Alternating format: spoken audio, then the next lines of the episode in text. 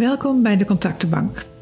De podcast waar je kunt ervaren dat er geen gewone mensenlevens bestaan. Dat ieders levensverhaal speciaal is en absoluut de moeite waard om naar te luisteren. Ik ben Mirjam Zetlewitzki en interview hier mensen die het aandurven om over hun leven te vertellen.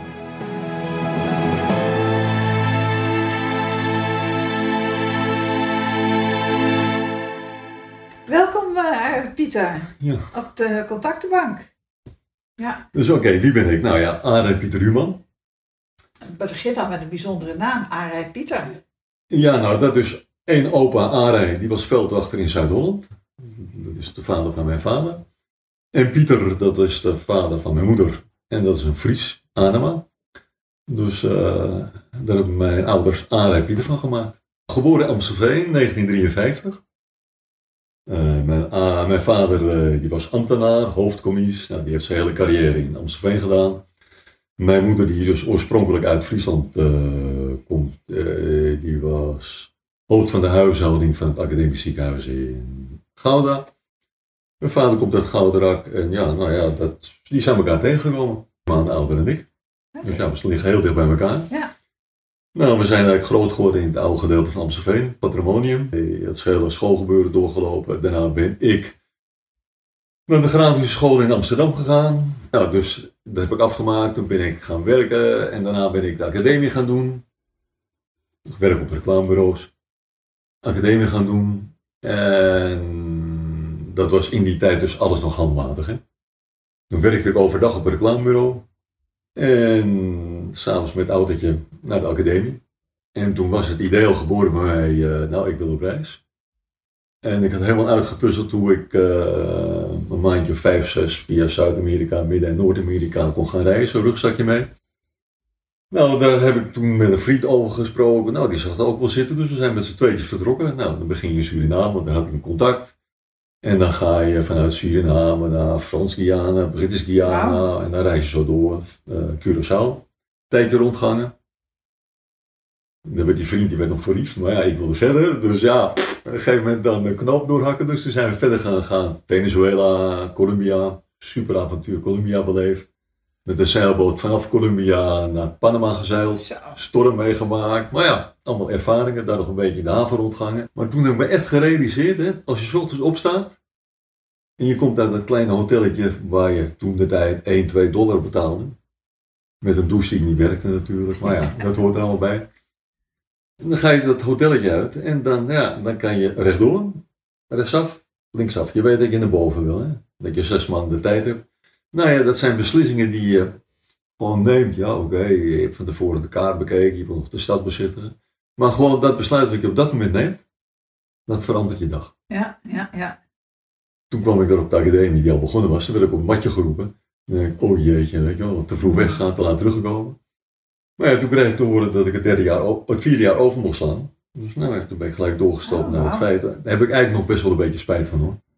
Want het was gewoon een hele super gezellige periode. Hmm. Nou ja, en dan eh, academie afgemaakt. In die tijd leerde ik Selma kennen. Selma, Is dus de moeder van de kinderen die we hebben. Ja, ik zag het helemaal zitten om in Canada gaan, te gaan wonen. oké. Dus nou ja, papieren gevuld en eh, nou, het bleek dat ik als grafisch ontwerper daar niet toegelaten werd. Als timmerman wel, maar ja, oké, nou, ik was niet ambachtelijk genoeg. Maar Selma die helemaal op eh, Frankrijk was georiënteerd, echt helemaal francofiel.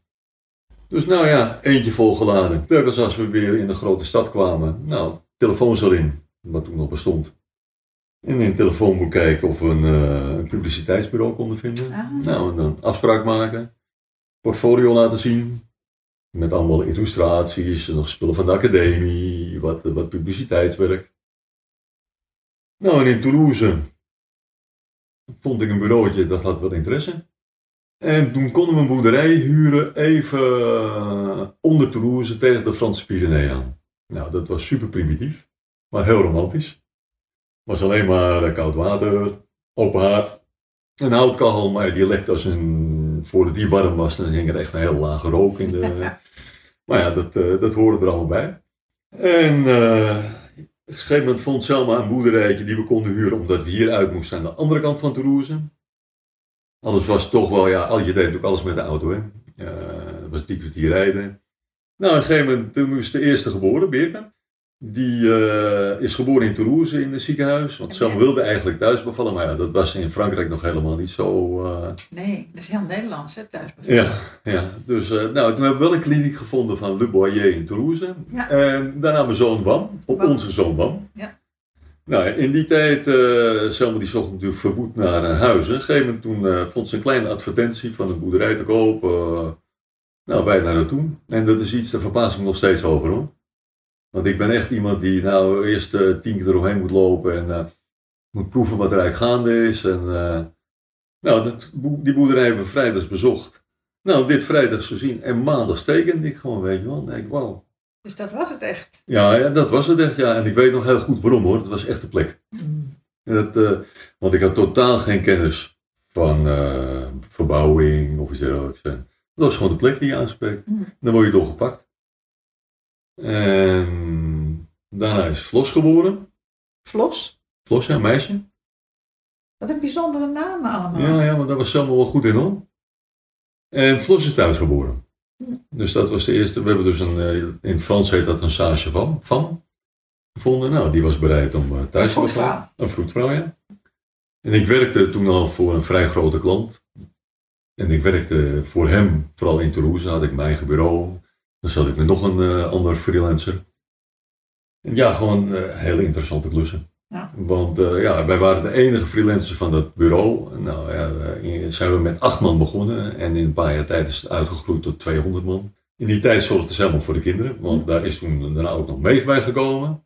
Daar is Meef, Meef. ook een meisje bij gekomen. Meef. Ja, en als laatste is ook nog Megan Tara geboren. En dus die laatste die, die zijn allemaal thuis geboren. Oké. Dus dat is allemaal heel goed verlopen. En eh, ja, zeg maar, nou, die voelde zich er heel goed bij gewoon.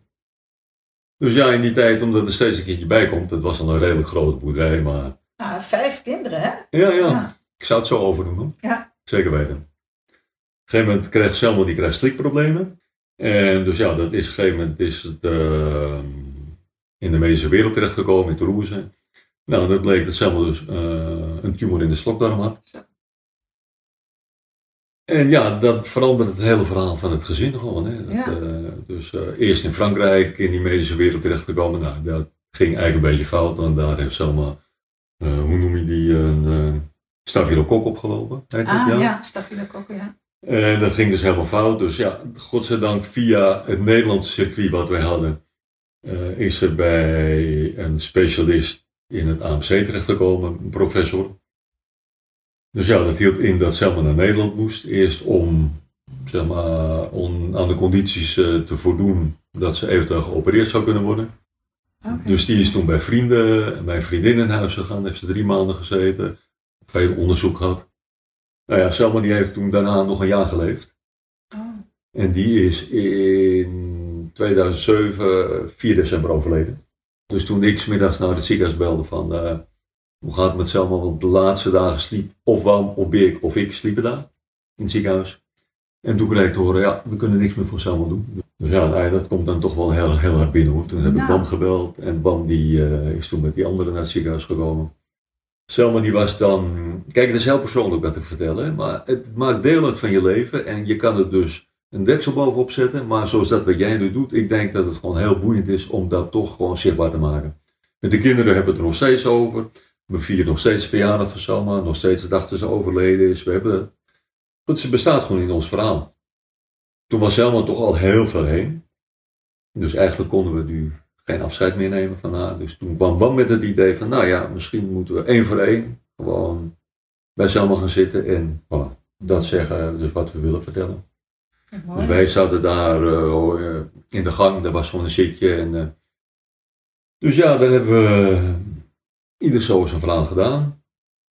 En en iedereen toen- heeft echt zelf een eigen afscheid Ja. genomen. ja. Ieder op zijn wijze. Ja. En dat is gewoon heel persoonlijk, daar hebben we nooit over gesproken. Dat is gewoon heel persoonlijk. Weet je, dat is dat wat je in Frankrijk zegt, de jardin en secret, wat iedereen met zich mee zat. Nou, toen hebben we nog pizza's gehaald. En eh, ja, je moet toch eten, weet je wel. En, dus toen met z'n allebei gezeten, allemaal handen zo vastgehouden. En dus ja, rond een uur of twaalf, Birgit die woonde in Toulouse. En toen heb ik gezegd, jongens, jullie moeten toch wel een beetje gaan slapen. Dus die zijn toen naar huis gegaan. Dus ik zeg, ik uh, hou hierop wel op de hoogte. En er stond een bed bij, dus ja, goed, weet je, dat, uh, daar heb ik toen bij gezeten, een tijd lang, echt een beetje gaan slapen. Nou ja, oké, okay, Selma die is tussen vijf en zes is die gewoon overleden. Okay. Maar toen besloot dat Selma gewoon uh, bij ons thuis zou komen. Dus die is toen met, uh, ja, dat was toen de ambulance naar huis gereden. In een kamertje opgezet, het kamertje wat zij altijd gebruikte voor de massage. Ja, ja. En dus ja, daar heeft Selma drie dagen gelegen. En daar is menigeen gekomen en uh, vrienden afscheid genomen. En toen is de familie uit Nederland ook, ook gekomen, allemaal één voor één. Groot huis, dus uh, iedereen kon er blijven slapen. Waar we wel heel veel geluk mee gehad hebben, dat is gewoon toch de band die je hebt daar ter plekke in Frankrijk. Mm. En ook de band die we hebben met Nederland. Want ja, goed, uh, familie en vrienden, we hebben heel veel steun gehad gewoon. Dus ja, dat is toen, nou, Selma die is toen dat is, heet in een uh, maison municipal, dat noem je het, een uh, gemeentefeestzaal, zeg maar. Is toen de ceremonie geweest. Nou, dat was een hele druk bedoeling. We zaten met een 300 man. Dus het hele Franse circuit, een Nederlandse circuit, wat allemaal bij is geweest. En ja, ja, goed. Uh, de dag zelf kon het niet meer gebeuren. De crematie, dat is drie dagen later gebeurd. Maar ja, op het tijdstip dat gebeurde, is niemand bij geweest natuurlijk. Op het tijdstip dat dat gebeurde, zaten wij allemaal met z'n allen rond de tafel natuurlijk. Ja, oké, je weet dat het gebeurt. Nou ja, is dit te denken van, jij zat opeens thuis met vijf kinderen, met vier als al. Ja, ja, met, uh, met, ja, met vijf. Nou oké, dus uh, iedereen is toen weer zo weggegaan. Kijk hoor, misschien dat er nog wel iemand toen in Nederland een beetje is blijven hangen. En ja, op een gegeven moment, Wam die studeerde in Lyon geloof ik. Denk ik of het is. Nou, die Lyon, dus die, die moest ook weer naar huis. Birke woonde toen alweer in Toulouse. Die is toen zes maanden thuis komen wonen. Dus toen zat ik met die vier meiden thuis. En ja, goed, toen, ieder gaat zo weer zijn weg vinden. Oké, nu laat ik dit even stilstaan. En dan ga ik weer even terug naar een ander verhaaltje, wat op zich toch wel voor mij heel belangrijk is geweest. Mijn vader die woonde in Amstelveen, mijn zusje die woonde vlakbij. Adrie met haar man, dus die uh, kreeg toen te horen dat mijn vader uh, een zwart plekje op salon had. Mm. Want die was toen al een paar jaar ziek gewoon. Dus ja, die hebben toen heel veel voor mijn vader gezorgd. Ons vader gezorgd. En nou, toen we dat te horen kregen, ja, Arabieten kan je naar Nederland komen voor een paar dagen, dat wij ook wat rust uh, hebben, dat een beetje. Dus dat heb ik toen gedaan. Nou ja, toen wisten we dat hij dus longkanker had. Nou, vanaf dat moment heb ik besloten om elke maand toch wel vijf dagen naar Nederland te gaan. Maar uh, goed, uh, ons moeder die is overleden toen Adrie 17 was en ik 16. Oké. En dus ja, goed, mijn vader bleef toen met ons zitten. Ja, oh wauw, dus en, de geschiedenis herhaalde zich. Ja, het hoort allemaal bij het leven, weet je. Ik ben ervan overtuigd, waar je ook naartoe gaat, wie je ook kruist, iedereen heeft een verhaal. Mm. Elk huisje heeft zijn kruisje, dus ja. Dit is gewoon de vraag, wat doe je ermee? Hele mooie, sociale man, mijn moeder ook. Dat wat ik dan van haar nog mee heb gekregen. Ja. En ja, een hele eerlijke man, daar heb ik veel van, hebben we veel van mogen leren.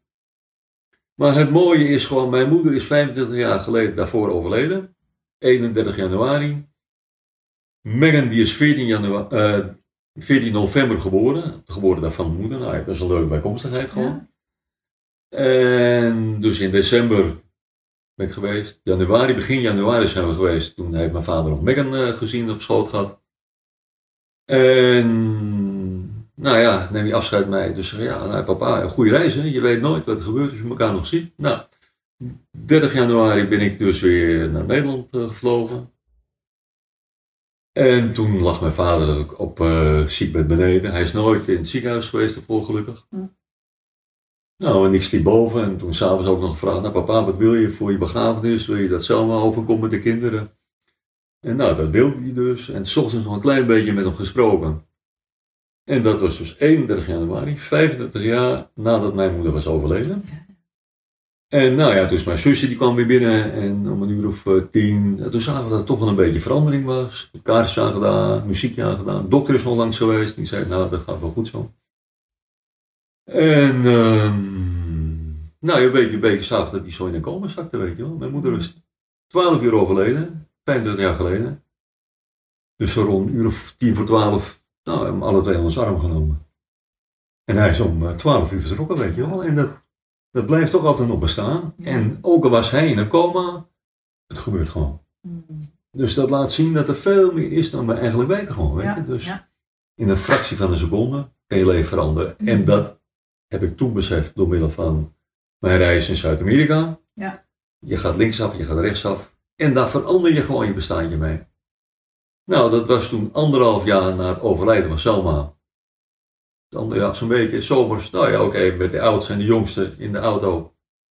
Op vakantie, weer naar de kust, naar die stek. Drie, drie weken vakantie. En eh was nog even mijn vriend langs, die zei van, nou ben je nog een sapje? Ik zei, nee, kom op, we gaan weg. En eh nou, je stapte in de auto. Als ik een stapje had genomen, was mijn leven anders gelopen. Waarom? Wij op de snelweg. Zo, s'avonds 7 uur, lekker zonnetje. We waren net gestopt van een sandwich. eh, Megan die zat met een ijsje in de, eh, in de hand. En ik kijk hem achteruit, kijk spiegel. Ik zeg, die rijdt hard. Bam. En auto die van de achterkant op ons duikt, op de snelweg. En nou ja, ik heb van het verhaal niks meegemaakt. Ik was gelijk eh, in de andere wereld. Beetje die het echt heel bewust heeft meegemaakt, dan toch door het ongeluk worden dingen in je hersenen uitgeschakeld. En die heeft geregistreerd dat we acht keer over de kop zijn gegaan. En toch weer eh, met die wieltjes op de grond. Nou ja, die heeft dus een kwartier gedacht van papa die is ook verdronken. Maar ja, oké, hij was dus niet verdronken. Maar dus de volgende dag kwam ik eh 24 uur later bij in het ziekenhuis in Toulouse.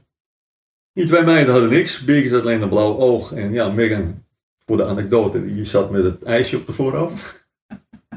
ja, oké.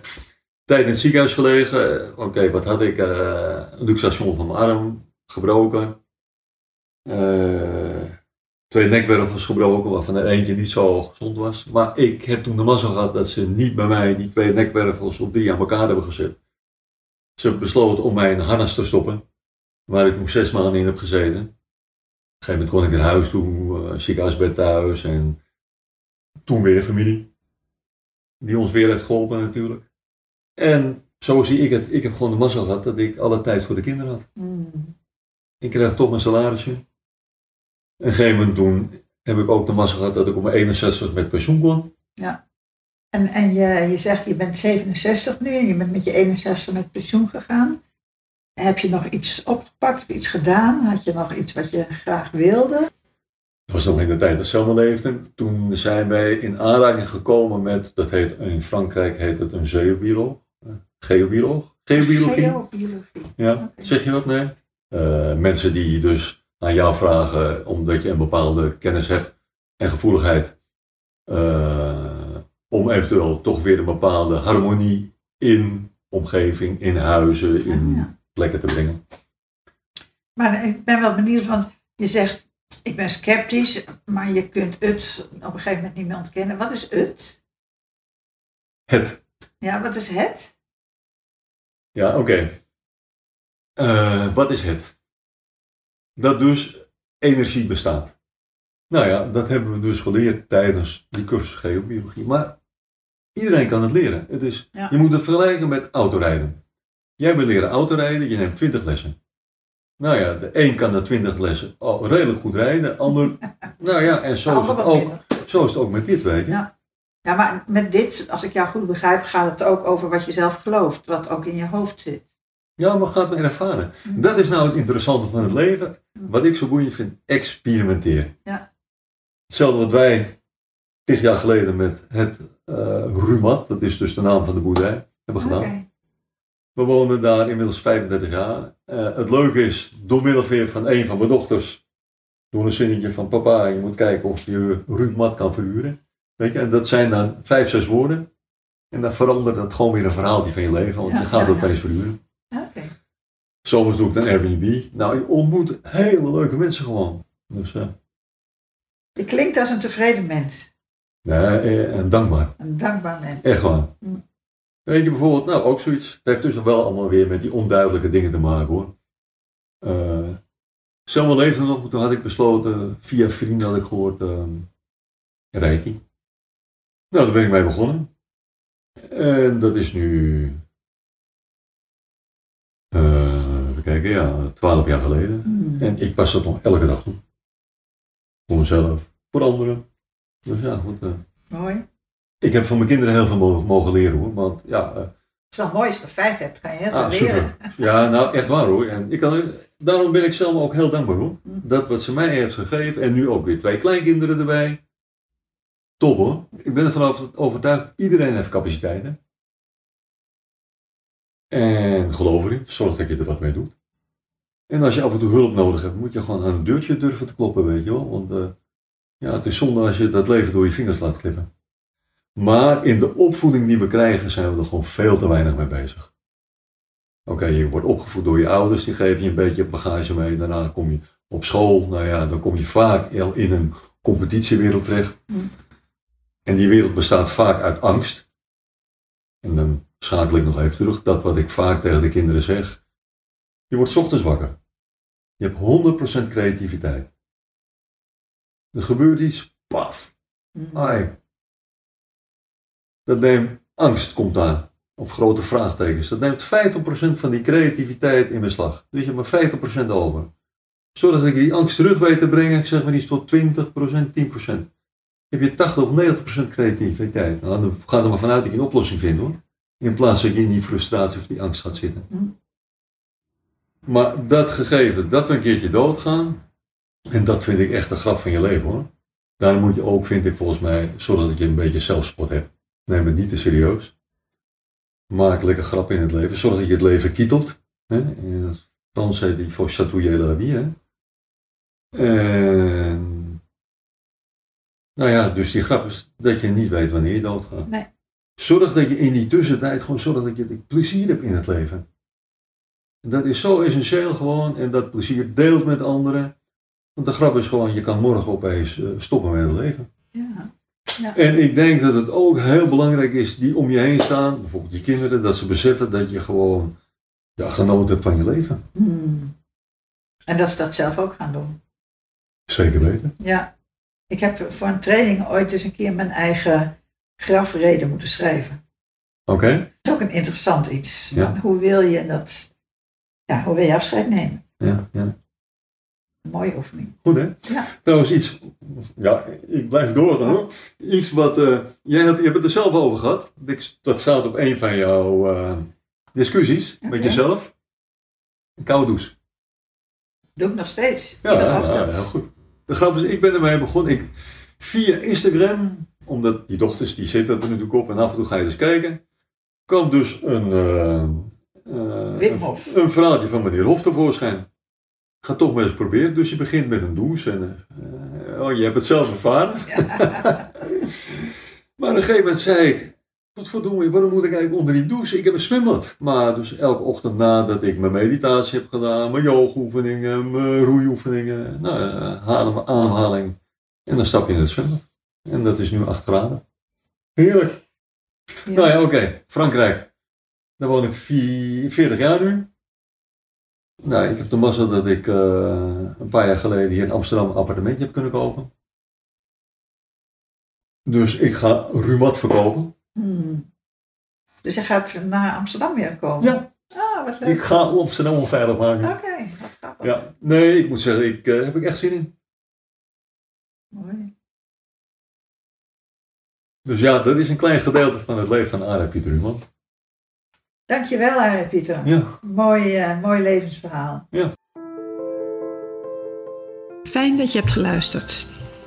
Als je benieuwd bent naar meer levensverhalen, druk dan op de volgknop of zet me op je afspeellijst. Je kunt ook een berichtje sturen naar de contactenbank op Facebook of Instagram. Tot een volgend levensverhaal.